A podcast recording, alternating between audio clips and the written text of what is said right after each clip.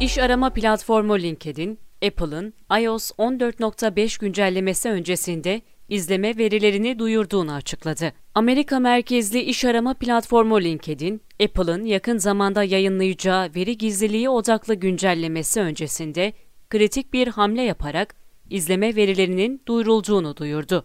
LinkedIn konuyla ilgili blog yazısında şu anlık uygulamalarımızın IDFA verilerini toplamasını durdurma kararı aldık ve alınan kararın reklam verenler için kampanya performansında sınırlı etkiye sahip olacağını ve bu etkiyle reklam politikalarında zorunlu bir değişikliğe gidilmeyeceğini düşünüyoruz açıklamasını yaptı. İş arama platformu LinkedIn'in yaklaşımı, Facebook'un izlediği politikaya göre farklı olduğu görülüyor.